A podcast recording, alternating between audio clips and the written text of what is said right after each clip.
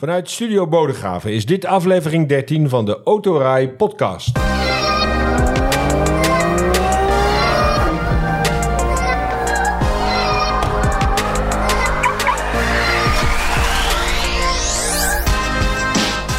De Autorij Podcast is de talkshow over auto's. Autonieuws, actualiteit, alles over auto's en mobiliteit direct of indirect verbonden met auto's.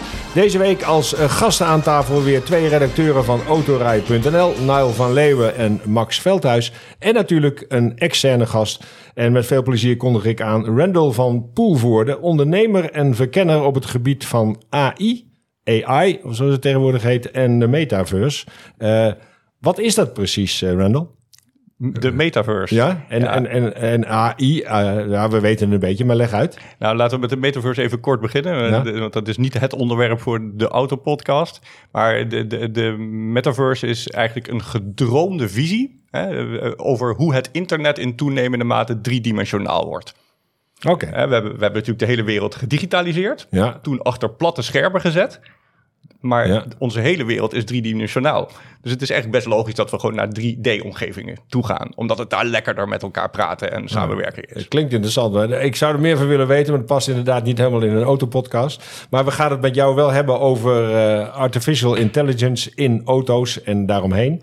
Eh, daar komen we straks uitgebreid eh, op terug. We gaan eerst even naar de nieuwtjes van afgelopen 14 dagen. En dan begin ik bij jou, Niall. Want onlangs werd het weer bekend dat we hebben die subsidiepot voor elektrische auto's. En die was de eerste keer was die in no time in één dag volgens mij Ja. leeg. Maar nu is het anders, hè? Ja, dat is nu wel, eh, dat is wel wat heel erg anders. Moet ik wel bij zeggen dat eh, eh, de bes- beschikbare subsidie ook wel eh, eh, behoorlijk is eh, eh, uitgebreid. Hè? Dus zeg maar die, die pot die dan beschikbaar is, is een stuk meer dan een paar jaar geleden. Maar ik weet nog wel, het weten jullie misschien ook nog, 2020, 2021 was het echt binnen enkele dagen was er gewoon alle subsidie er doorheen gejaagd. Ja.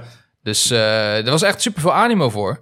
Maar als je nu kijkt, we zitten nu zeg maar ongeveer op de helft van het jaar. En ja, dan zie je dat er ja, best wel veel subsidie nog beschikbaar is. Eigenlijk zodanig veel dat ik het eh, eh, nuttig vond om, eh, om dat even hier in de top podcast te bespreken. Want Maar dat betekent dat die verkoop dus terugloopt. Want Nou je ja. krijgt het alleen bij aanschaf van een nieuwe auto, toch? nieuw en tweedehands. Ik- Het, het gaat ook om een subsidie alleen voor particulieren. Dus dat moet er wel bijgezegd worden. En het is natuurlijk sowieso dat elektrische auto's vooral natuurlijk interessant zijn ook hè, voor de zakelijke markt. Het zijn allemaal leaseauto's. Er zijn relatief weinig particulieren die eh, eh, een best wel dure eh, tweedehands of nieuwe elektrische auto aanschaffen. Maar goed, waar het uiteindelijk om gaat is... Er zijn gewoon voor het budget voor nieuwe auto's, daar is nog 43 miljoen euro van over. En we zitten op de helft van het jaar. Het totale budget voor 2023 is 67 miljoen. En daar is nog 43 miljoen over. Dus je hebt uiteindelijk van hè, de grofweg 22.700 aanvragen die in een jaar gedaan kunnen worden. Eh, er zijn pas ja, ruim 8000 eh, aanvragen ingediend. Dat is echt relatief weinig als je kijkt hoe ver we al in het jaar zitten. Gebruikt gaat wel ietsje harder. Is natuurlijk op zich ook wel verklaarbaar waarom daar wat meer animo voor is. Maar dan zie je ook dat eh, van de 32,4 miljoen euro is daar nog ruim 18 miljoen euro nog eh, van over. Nou ja, we weten allemaal nog hoe dat een paar jaar geleden ging. En dat het zo razendsnel echt mensen stonden echt in de rij om subsidie aan te vragen. Nou, dat is nu gewoon niet. Dus, Maar je eh, elektrische auto moet ook, aan hem, eh, moet ook niet te duur zijn. Want als die te Nee. duur is, dan krijg je die subsidie sowieso niet. klopt. Dus zijn ze nu ook bezig met die prijzen van die elektrische auto's? Ja, dat is wel grappig dat je dat vraagt. Want kijk, het heeft niet direct met elkaar te maken. Maar hè, het is geen oorzaak-gevolg, maar het heeft wel met elkaar te maken. Want de laatste tijd zie je dus in Nederland dat er eh, steeds meer elektrische auto's eh, in prijs worden verlaagd. Eh, Tesla is daar op een gegeven moment mee begonnen. Nou, Tesla heeft helemaal een, zeg maar, een onnavolgbare prijsstrategie met eh, prijsverhogingen, verlagingen en dan extreem prijsverlagingen. Op de meest willekeurige momenten ook. Dat Ook is nog. ook wel een beetje... eh, En wat, ja. wat rij je zelf, Randall? We hebben thuis twee Tesla's. Oké, nee, duidelijk. Dan is dat is het punt even gemaakt. Maar ga verder. Nou bezig. goed, kijk, Tesla heeft, het, eh, heeft het misschien een beetje aangejaagd. Ik weet niet, eh, daar zijn de meningen een beetje over verdeeld. Maar er zijn wel steeds meer merken die hun prijzen ook verlagen. Ford heeft eh, de prijs van de Mustang eh Mach-E verlaagd. Eh, Tesla heeft eh, de prijs van meerdere modellen verlaagd. Maar nu zie je ook binnen Eh, de grote Volkswagen-concern heeft de, de Cupra heeft de prijzen van de Born verlaagd. Eh, Skoda heeft de prijzen van de Enyaq verlaagd. Volkswagen heeft de prijzen van de ID4 verlaagd. Dat is allemaal is prijsverlagingen die worden doorgevoerd. Ja, ja dat, is, dat is natuurlijk wel een hele mooie ontwikkeling. Uh, maar aan de andere kant, ook om als we weer over, of even op Ford terugkomen. Daar was de CEO, die heeft uh, in een interview gezegd...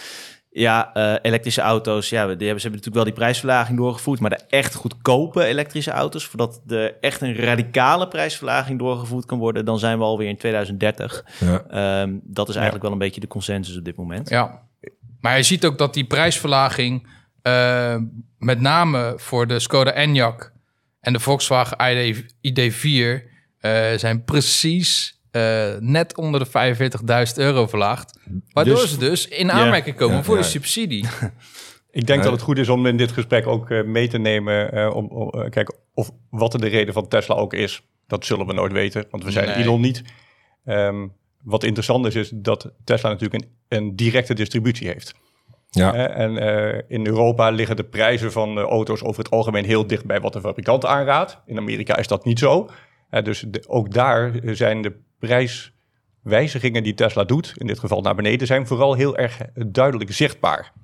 Ja. Want ja, ze, ze verkopen direct, dus je ziet meteen wat het is. Terwijl in dat indirecte kanaal dat gewoon eventjes ja, de dealer bepaalt de prijs. Hè? Ja, ja, dat klopt. Dat dus laten we dat niet vergeten. Dat effect op die hele grote markt is anders. Ja, ja. Nou ja daarom zei ik ook, uh, een terechte opmerking ook. Maar je, leest, je hoort en leest wel vaker de laatste tijd dat de Tesla, zeg maar, een prijsoorlog uh, gestart is.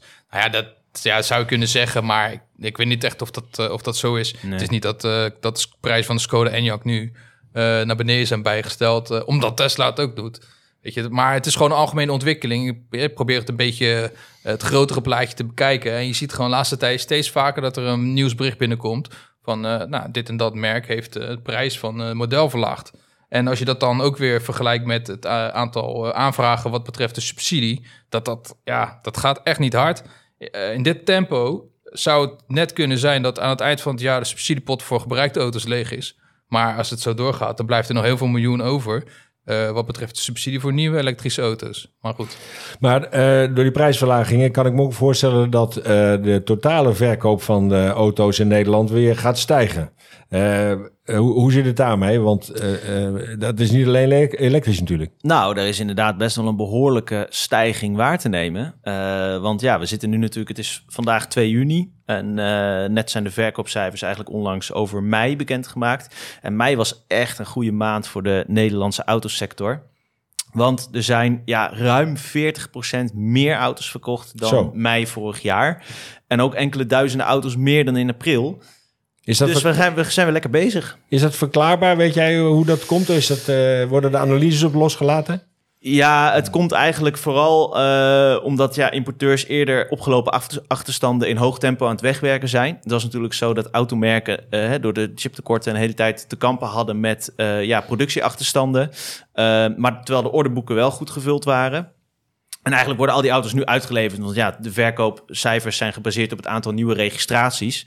En ja, als er meer auto's worden geleverd, ja, dan stijgt het aantal registraties. En daarmee stijgt dus ook het aantal ja, autoverkopen op papier in ieder geval. Nou is het ook zo dat uh, de autoverkoop vorig jaar was wel echt een historisch dieptepunt. Ja, hè? dus die, slechts... die 40, alles is relatief ja, natuurlijk. Precies, dus, dat, ja. Dat, die stijging ja. is als al gauw ingezet. Maar toch, het is een goede ontwikkeling uh, voor de branche. Hè? Ja, ja het, is, het is wel leuk om ook eventjes de populairste auto's... Hè? we hadden het net over, over elektrisch rijden. Uh, nou ja, de Kia Picanto staat op één. Dat is geen elektrische auto. Maar daarvan zijn uh, 1537 auto's verkocht in, uh, in mei.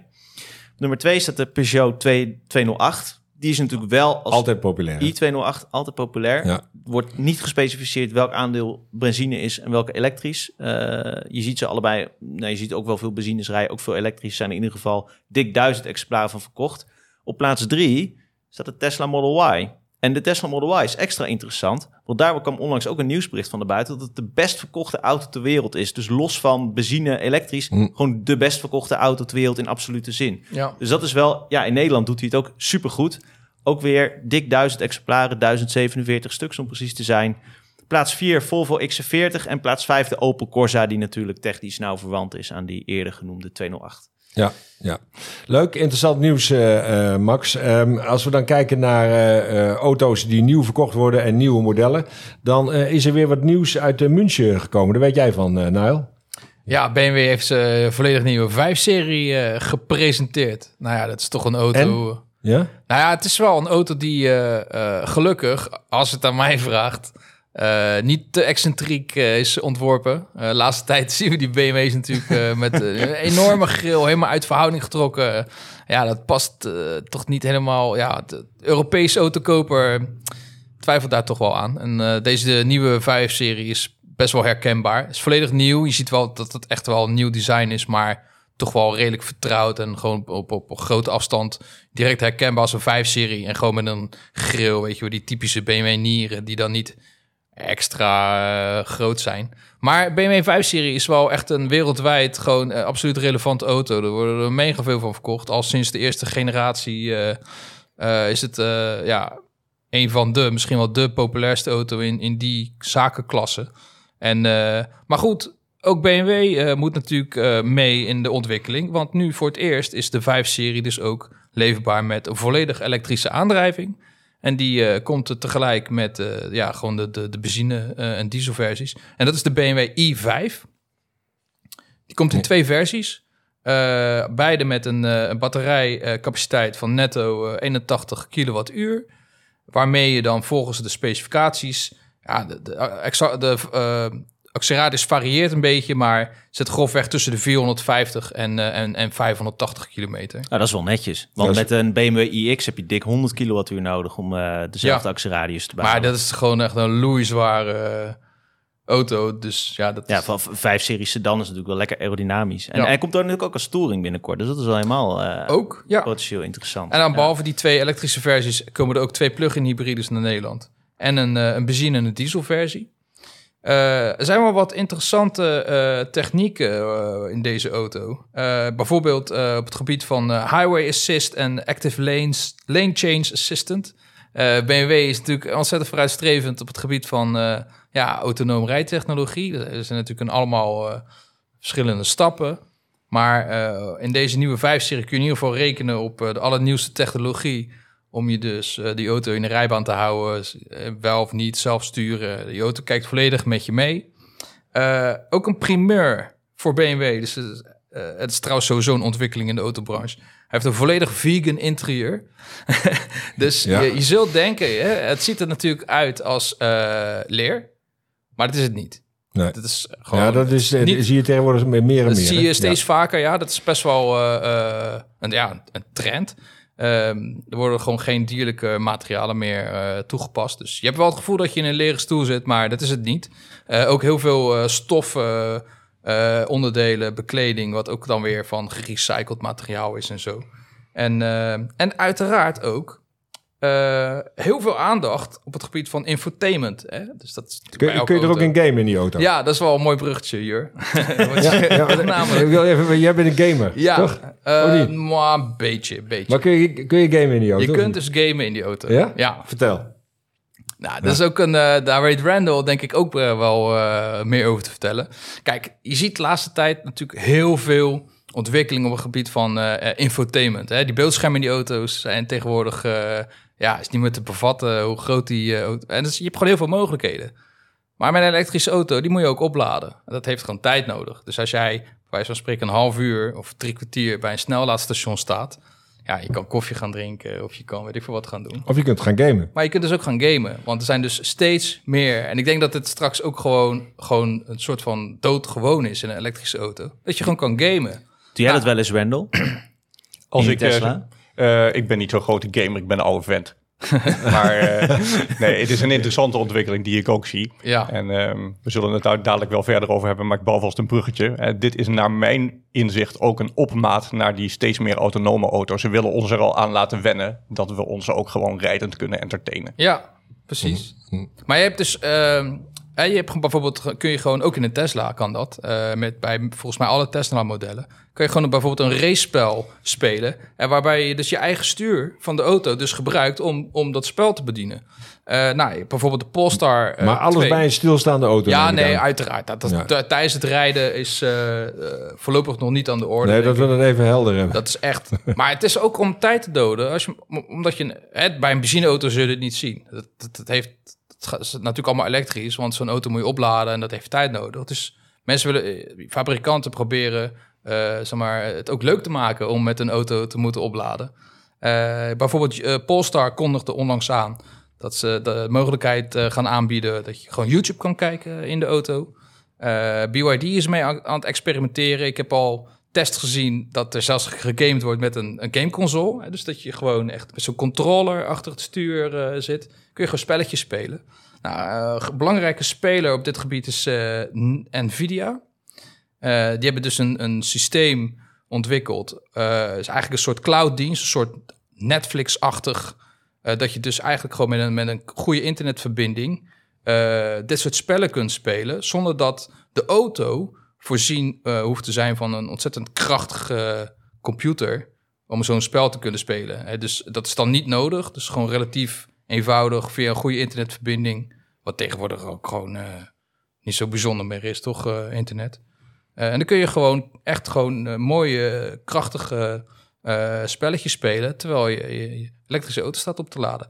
Ja, kijk, als het één auto is waarbij dat gebeurt, zou je denken, zal wel. Maar je ziet nu heel veel autofabrikanten eh, hierin instappen. En dus ook de nieuwe BMW 5-serie. Eh, ik, ik kom zo bij jou, eh, Randall, want ik wil nog eventjes eh, naar het eh, nieuws. eh, nieuws over eh, VDL. Daar ben jij ingedoken, Max. Ja, het is wel een beetje triest, hè? Je hoort, eh, dit, het beheerst eigenlijk ook wel het nieuws in Nederland. Is er ook wel een, wel een hot topic. eh, vooral op de economische redacties. Eh, ja, want bij VDL verdwijnen er gewoon een, een hoop banen. Zo'n 1800 van de eh, bijna 4000 medewerkers... die eh, hoeven na 1 november niet meer op het werk te komen. Eh, er worden gewoon een hele hoop diensten geschrapt. En de medewerkers op hun beurt zijn weer aan het staken voor een beter sociaal plan. Dat laten we lekker aan de economieredacties over. Wat, wat wij als, als, als hè, automensen zien, is dat nu de opdracht bij BMW nog loopt bij VDL, maar die loopt eind dit jaar af. En door alle stakingen en alle eh, controverse hebben ze nu ongeveer een achterstand van 4000 auto's op de eigenlijke afspraak met BMW. Dus het is ook kans dat de medewerkers hun bonussen niet uitgekeerd krijgen, want ze krijgen pas een bonus als aan die productiedoelstelling is voldaan. Maar goed, ja, waar het natuurlijk eigenlijk om gaat is ja, wat na BMW? Want VDL is in het verleden wel in gesprek geweest, ook met meerdere potentiële opdrachtgevers, eh, waaronder Canoe, dat is een Amerikaanse start-up, waar je op dit moment niet meer zo heel veel van hoort. Maar die zijn vooral bezig geweest ook met elektrische bedrijfswagens en die wilden graag in Nederland gaan produceren om die auto's vervolgens weer terug te verschepen eigenlijk naar Amerika. Wat natuurlijk best wel een, een gek, omslachtig idee is. Maar die hebben uiteindelijk er toch voor gekozen om in Amerika te blijven. Want eh, die kregen daar ook weer subsidie om daar dus productielijn op te starten. Dat geeft natuurlijk ook weer banen. Maar goed, gek dat ze dan in eerste instantie naar Nederland komen. Maar goed. En dan is ook nog Rivian. Daar is VDL ook Ja. mee in gesprek geweest. Rivian leek eigenlijk een wat waarschijnlijkere klant, omdat Rivian natuurlijk ook al auto's aan het bouwen is. En er gaan ook gewoon steeds meer, hè, er, er, is- er is wel steeds meer gaande dat zij ook de overstap naar Europa maken. Net als bijvoorbeeld een Lucid Motors, die inmiddels in, eh, in Hilversum zitten. Maar ook van, met de gesprekken van Rivian, die lijken ook een beetje gestrand te zijn. Ehm, en wat natuurlijk ook zo is, is dat VDL, dat is ook in het verleden een issue geweest, dat zij bezig waren met het kappen van een heel bos daar. Eh, waar ook weer allerlei milieuactivisten in de bomen klommen om ervoor te zorgen dat het bos behouden bleef. Om dus een productielijn te bouwen voor onder meer accu's, hè, voor, voor EV's. Maar goed, als je natuurlijk die investeringen terug wil verdienen, dan moet er ook eerst een opdrachtgever zijn. Die lijkt er nu niet te zijn. Dus mijn beeld ervan is eigenlijk dat het nu gewoon compleet gestrand is. En dat de toekomst voor die autofabriek gewoon totaal onzeker is. Zorgelijk. Zorgelijk, Zorgelijk allemaal. wel. Ja, zorgelijk Ja. vooral ook voor de mensen die er werken. Ja, zeker. Ja, wij kunnen het hier aan deze tafel niet oplossen, maar eh, in ieder geval eh, dank voor deze insight, eh, Max. We gaan Ja. eventjes buiten spelen met Bart. Bart heeft elk jaar een, of elke, elke jaar, elke aflevering een ode aan een bijzondere auto. En de vraag is deze keer, welke motor zit erin, Bart? Een roffelende vijfcilinder, dan denk je waarschijnlijk al snel aan Audi of Volvo. Maar toch hebben we het hier over één van mijn favoriete auto's ooit. De Ford Focus RS MK2. Het liefst in appeltjesgroen. Of Ultimate Green, zoals de kleur officieel heet. Ik reed hem urenlang op de Duitse heuvelwegen en de autobaan en ben sindsdien verkocht. Wie deze hot hatchback een paar jaar geleden kocht, kan nu flink wat verdienen. Maar dat moet natuurlijk wel bijzaak zijn. Want bij de Focus RS MK2 draait het om de sensaties. Om die 2,5 liter 5-cilinder turbo benzinemotor afkomstig van Volvo, maar door Ford Performance drastisch onderhanden genomen. Liefst 305 pk sterk en dan een bergkoppel van 440 Newtonmeter. Oef. Ondanks dat al die kracht op de voorwielen wordt losgelaten, is deze heerlijke auto toch lekker snel. Want van 0 naar 100 km per uur sprinten kost slechts 5,9 seconden en de onbegrensde topsnelheid bedraagt 264 km per uur. Ja, zo worden ze helaas niet meer gemaakt. Een auto om te koesteren, maar ook eentje om vooral van te genieten. Bart Oosvogels en zijn ode aan een bijzondere fort. We gaan naar uh, onze speciale gast van vandaag, uh, Randall van uh, Poelvoorde. Ik had hem al aangekondigd als ondernemer en verkenner op het gebied van AI, AI, kunstmatige intelligentie. Hoe, hoe is dat verbonden met de auto, Randall? Ja, Want dat is de reden dat je hier aan tafel zit. Dat is een van de redenen. Ja, nee, Ja. absoluut. Dat is een hele leuke vraag. En ehm, eh, laat ik zeggen, het begint al vrij stevig, maar het gaat alles overnemen. Ja? Ja, dat is helder.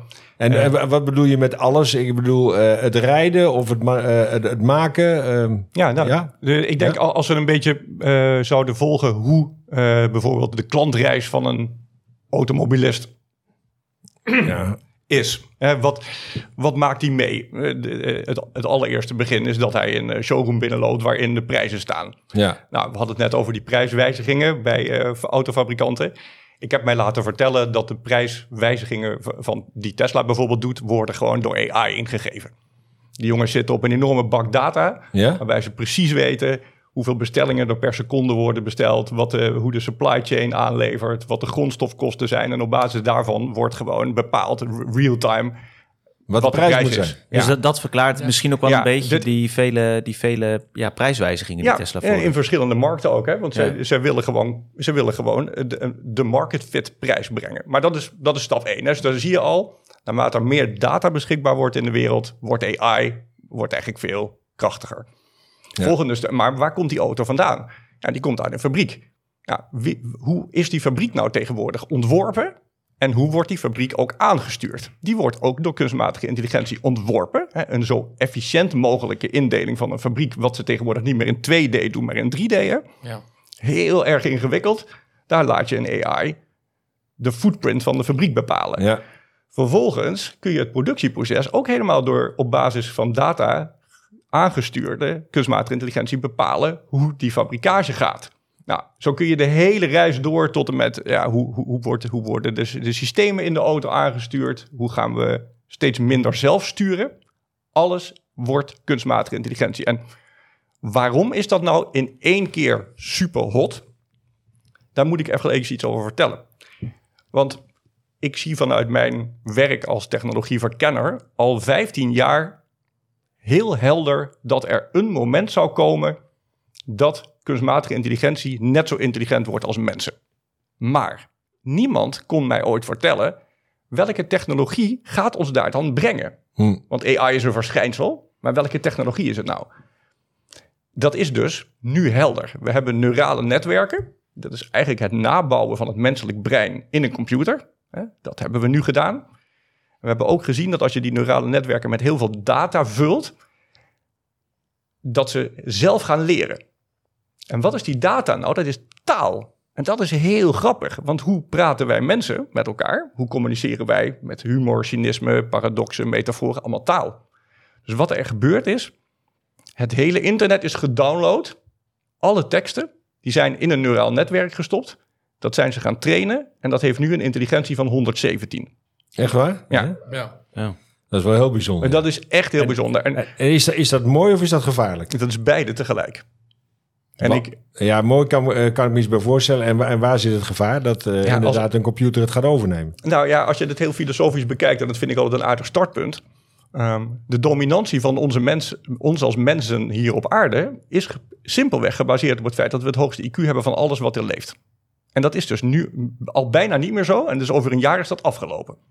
Maar als ik het nou even projecteer weer op de auto, want eh, dit, eh, dit is een algemeen verhaal en dat is heel interessant, maar we moeten iets meer naar de auto toe. Sure. En, eh, betekent dat ook dat die auto straks helemaal uit zichzelf gaat rijden? Ja, dat betekent Wij dus. zijn dus gewoon passagier in onze eigen auto. Ja, dat is onvermijdelijk. Ten eerste technologisch kun je, hè, wat ik in mijn vak heb geleerd, is dat je heel veel wetmatigheden ziet in technologie. Als je die doortrekt, dan kom je inderdaad bij jouw conclusie. Robots kunnen uiteindelijk alles beter dan mensen. Natuurlijk kunnen ze ook beter autorijden. Wij overschatten onze vaardigheid in autorijden ook extreem. Hè, 100.000 doden per jaar alleen al in Amerika. Mensen kunnen helemaal niet autorijden. We vinden dat van elkaar wel en van onszelf wel. maar We kunnen het gewoon niet. Maar dan impliceer, eh, impliceer je nu dat het, eh, ook de verkeersveiligheid ten goede komt, omdat een, een, de auto dan sneller reageert als het menselijk brein. Ja, en niet Bij- alleen sneller reageert, maar ook veel en veel meer eh, ervaring heeft. Want een, een, een, een computer kan alle kennis van alle andere auto's, die ook miljoenen kilometers hebben gereden, in één keer in zich zetten. En dat is natuurlijk de grote grap van, van die auto's die slim zijn en kunnen rijden, die delen hun kennis met elkaar. Als jij beter auto rijdt, Jur, dan kun je die capabilities en die inschattingen en die reflexen niet op mij transponeren. Maar dat kunnen die, die auto's wel, dus ze leren samen tegelijkertijd. Dus het is onvermijdelijk dat, dat uiteindelijk... Maar- ja? Ja, ik, ik, ik denk wel, dat is natuurlijk een, een, een, ja, een heel mooi beeld. En je ziet ook dat merken er druk mee bezig zijn. Hè? Tesla, full self-driving natuurlijk. Maar tegelijkertijd blijkt op dit moment de eh, werkelijkheid qua autonoom rijden toch wel vrij gecompliceerd. Want Elon Musk heeft meerdere malen gezegd van... Hey, nou, full self-driving, dit jaar gaan we het uitrollen. En er komt nu wel beta-versie naar beta-versie. Het systeem blijkt nog niet vrij te zijn van fouten. Ik sprak eh, op de autosalon van Parijs dit jaar eh, Yves Bonnefond, dat is de chef software van Stellantis. En ik vroeg hem ook van, hè, nou, denkt u dat autonoom rijden level eh 4 is dat dan? De echt volledig eh, hands-off en mind-off. Dus dat je ook niet eh, meer bewust hoeft na te denken bij au- autonoom rijden. Gaat dat er komen voor consumenten? Hij zei, nee, zijn we helemaal niet mee bezig. We willen het eerst eh, naar robotaxis en, en dergelijke brengen... en dan pas naar consumenten. En wat is, wat is jouw visie erop? Want hij zegt nu eigenlijk van... hij zei, nou ja, de, de eerstkomende jaren gaan we het sowieso voor consumenten... level 3 wel, maar level 4, eh, daar denken we voorlopig nog Ja. niet aan. Ja, het is erg interessant en de, de man zit erop. Dus zijn mening dien ik hier te respecteren. Eh, wat, eh, wa- wat interessant is, is om je ook de vraag te stellen... als hij dit vertelt, ehm, denkt hij dat het niet wenselijk is... of dat zij het zelf niet kunnen? Ja, het is niet zo dat de capabilities, de, technische capabilities... zijn niet evenredig verdeeld over de autofabrikanten. Dat is helder. We zien bijvoorbeeld de ongelofelijke problemen die eh Carriot van Volkswagen heeft. Dat is naar mijn idee heel simpel te verklaren. Europa heeft nooit voorop gelopen in softwareontwikkeling. Never. We hebben de beste universiteiten niet, de beste onderzoekers niet. Onze auto-industrie kan niet putten uit die talentpool. De Chinezen en de Amerikanen hebben dat veel meer. Er is dus een situatie denkbaar waarin de ene fabrikant het wel kan en de ander niet. En om in te gaan op jouw uitstekende punt dat het natuurlijk hè, dat, dat Elon Musk er gewoon naast heeft gezeten. Helder. Die man heeft een sterke optimisme bias. Die denkt iedere keer dat hij er bijna is, maar dan loopt hij weer tegen, loopt hij weer tegen iets aan. Dan moet het opnieuw. Ja. Maar het bedriegelijke wel met technologie. En, en ik, ik, ik, ik praat over, af en toe met jullie over technologie, maar ik bedoel dan autotechnologie in zijn algemeenheid ook. Want het is allemaal hetzelfde. Het bedriegelijke aan technologie is vaak dat iets onmogelijk lijkt, totdat het op dinsdagochtend in één keer werkt. En dat hebben we nu ook gezien met de systemen zoals eh, ChatGPT en allerlei andere AI-tools. Dat, wat we nu zien was vier maanden geleden apert ondenkbaar. Ja. En neem dan mee in je overweging of dit gaat gebeuren, dat het exact dezelfde basistechnologie is die plaatjes genereert, boeken schrijft. Dat is dezelfde technologie die ook auto's gaat laten zelfrijden. Dus we zitten in die hockeystick. En het, het zou vanuit mijn perceptie heel naïef zijn om te zeggen, nou, dat zal wel nooit kunnen. Want dat heb ik al twintig jaar over dingen gedacht en die kunnen nu wel. Ja, het is heb- ook een verschil, sorry, dat het een verschil ook is, denk ik, tussen wat is mogelijk. Hè, als je het bekijkt vanuit eh, wat, hè, waar, waar zijn we toe in staat, waar hè, de ontwikkeling van een technologie, hoe, hoe hard gaat dat? Dat uiteindelijk op het gebied van artificial intelligence heel veel mogelijk wordt, daar ben ik ook van overtuigd. Of het werkelijk wordt toegepast in een personenauto, Ja. dat is natuurlijk een tweede ding. Ik denk dat het op dit moment, tenminste, ik denk, ik weet zeker, omdat het ook eh, door diverse CEO's is bevestigd, dat het ook groot te maken heeft met geld. We Ja. zitten nu ook in transitie naar elektrisch rijden. Eh, die fabrikanten eh, die willen zoveel mogelijk investeren in de ontwikkeling van een elektrische auto. Waardoor dus de ontwikkeling van autonoom rijden op een lager pitje gezet is. Deels. Nou, dat, dat, Eh, is ook samen- wel, dat is inderdaad ook wel wat die eh Bonnefond van Stellantis zei. En Van, ik denk als, de, als, we de- gaan als nu niet geld tegen de plint aanklotst, eh, wordt op elk gebied geïnvesteerd. En dan Ja. eh, ook op het gebied van autonome rijden. En dan kan het ook een versnelling eh, teweeg brengen. Ja, maar, Maar, die technologie dat die wordt ontwikkeld en uiteindelijk eh, ook dat bestaat en is doorontwikkeld en toepasbaar op een personenauto, daar ben ik wel van overtuigd. Maar wat ik vind wel grappig, want ehm, het schijnt dus te zijn dat de Tesla Model Y, hè, de best verkochte auto eh, ter wereld op dit moment, die we inmiddels eh, allemaal kennen, ehm, toen die auto ontwikkeld werd, of het plan werd bedacht, was namelijk nadrukkelijke eis van Elon Musk dat die auto dus zonder stuurwiel zou worden ontwikkeld. Ja. Eh, toen hebben ze de ingenieurs achter zijn rug om. Ze hebben waarschijnlijk allemaal gezegd van ja, oké, gaan we doen. Hebben ze dus achter zijn rug om, hebben ze dus een Model Y ontwikkeld met een conventioneel stuurwiel. En in de tussentijd is gebleken dat full self-driving technology van Tesla eh, er nog niet klaar voor was. En eh, een soort van hoop van zegen, gelukkig maar, dat die auto met een conventioneel stuur ontwikkeld is. Wel fijn dat ze dat het te hoog En dat is nu de best verkochte auto ter wereld. Maar zo Ja. zie je maar. En eh, dat, ehm, ja, toen was, het, was de technologie er misschien nog niet klaar voor. Maar dat kan over tien jaar anders zijn.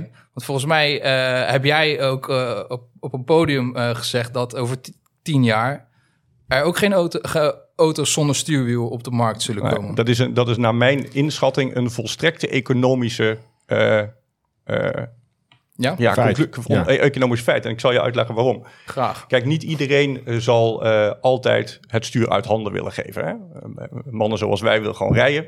En dat zullen we ook heel erg lang kunnen blijven doen. Maar ik wil eventjes het gesprek eh, eh, eventjes een beetje afkaderen. Het, eh, wat ik heb gezegd is inderdaad, binnen tien jaar rijden, komen er geen auto's meer van de lopende band met een stuur. Dus ik heb het over nieuwe auto's. Hè? Dus de rest, fijn, rijdt gewoon Mhm. door, want dat willen wij. Mhm. Het simpele feit is dat eh, al onze auto's 95 tot 90 procent van de tijd stilstaan.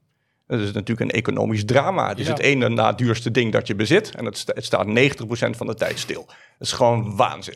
Dus de economische waarde van een auto op het moment dat die door een computer bestuurd kan worden, gaat de economische waarde van een auto gaat evenredig omhoog met het aantal uren wat je hem kan gebruiken. Dus laten we voor de grap even zeggen, een auto is 40.000 dollar. Hè? Eh, die gebruik je 90% van de tijd. Op het moment dat het een robotaxi is, moet die opgeladen worden en schoongemaakt worden. Maar laten we nou voor de gein zeggen dat die 16 uur zou kunnen rijden. Dan is de waarde van die auto dus met een factor 20 bijna toegenomen. Dus de waarde van een zelfrijdende auto is letterlijk een, fact, een economische factor 20 hoger.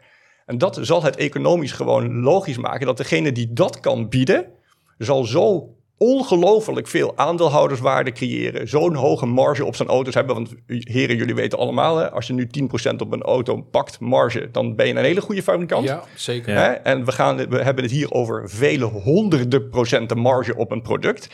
Dat gaat gewoon alles overnemen. Want hoe vertaalt zich die enorme economische waarde in lage kilometerkosten voor de eindgebruiker?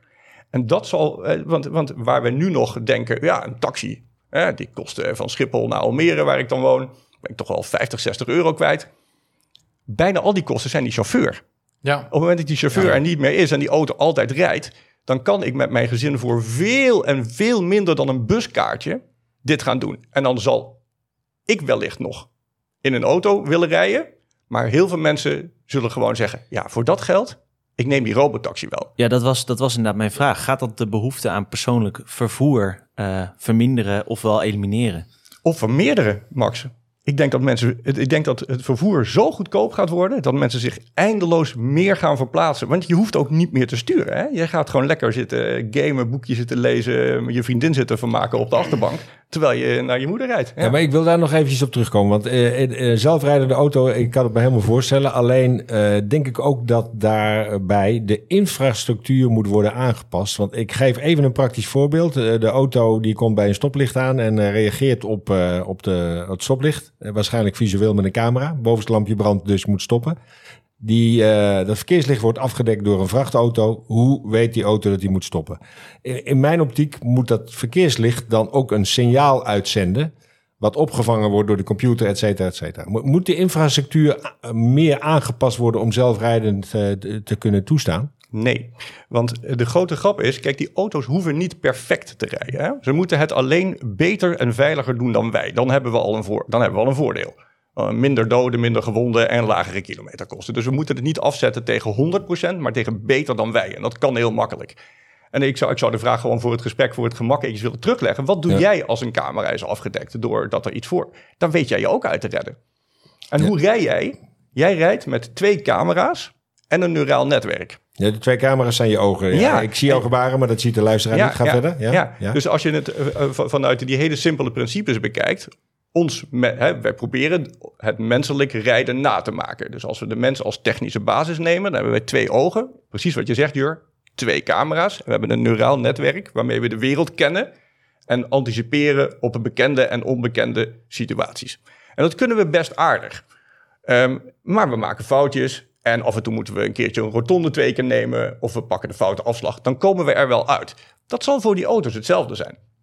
Ja, ja, op die manier is het inderdaad eenvoudig te verklaren. Ja. interessant. Ja, dat is natuurlijk ja, kunstmatige intelligentie. Dat, gaat het, dat is niet dan zomaar een systeem wat alleen maar iets uh, detecteert en denkt van oké, het is, uh, het is ja of nee, maar het is een, een computer die werkelijk denkt. Ja, leert. het woord zegt dat dat leert. Ja, Leert, hij leert ook. Hij wordt ook steeds beter. Ja. Het is wel grappig. Ik moet ineens denken aan, de, aan de, die video in uh, Amerika. Dat je die driverless taxi, zo'n bestuurderloze taxi, die wordt dan aangehouden door de politie.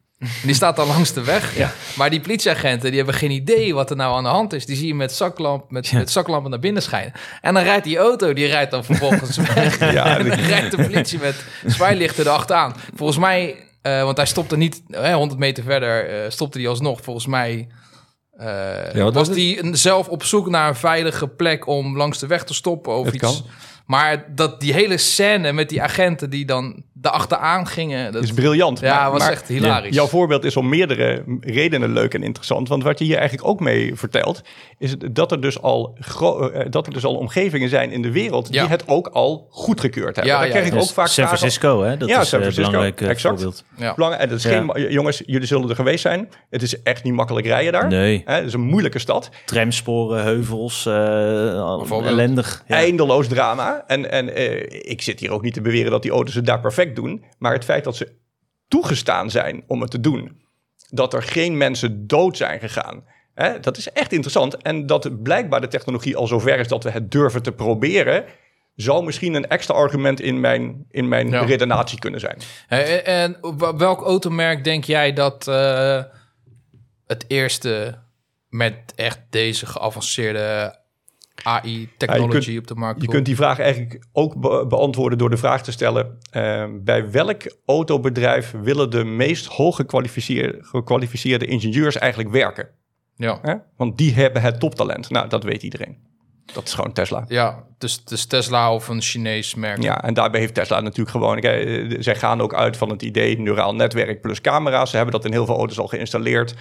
En één laatste puntje nog. We hadden het net over uh, dat, dat je logischerwijs denkt, hoe meer geld daarin wordt geïnvesteerd, hoe beter. Dat is dus niet zo. Ik, ik ken de softwarewereld goed.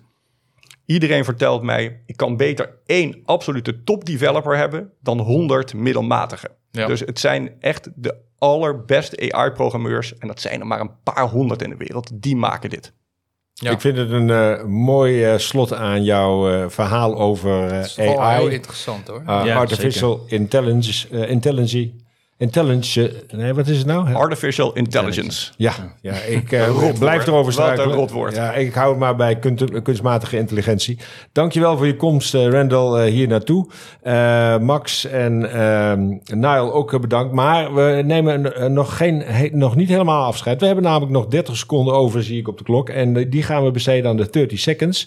Ehm, vorige keer was het de Maserati Chilo die beschreven werd door Bart. Winnaar was eh, Gerard Teling uit Heerhoegewaard. Die had het goed. Om welke auto gaat het nu zonder dat we het merk, het model of het land van herkomst noemen? Dromen moet je waarmaken, zo luidt het advies. Bouwen aan je eigen toekomst. Nog meer tegelwijsheid. Je wordt werkelijk wereldwijd geliefd om je aandoenlijke uitstraling.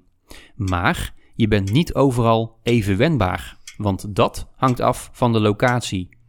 Je broer is een draak. En tot slot, een kus van een roos.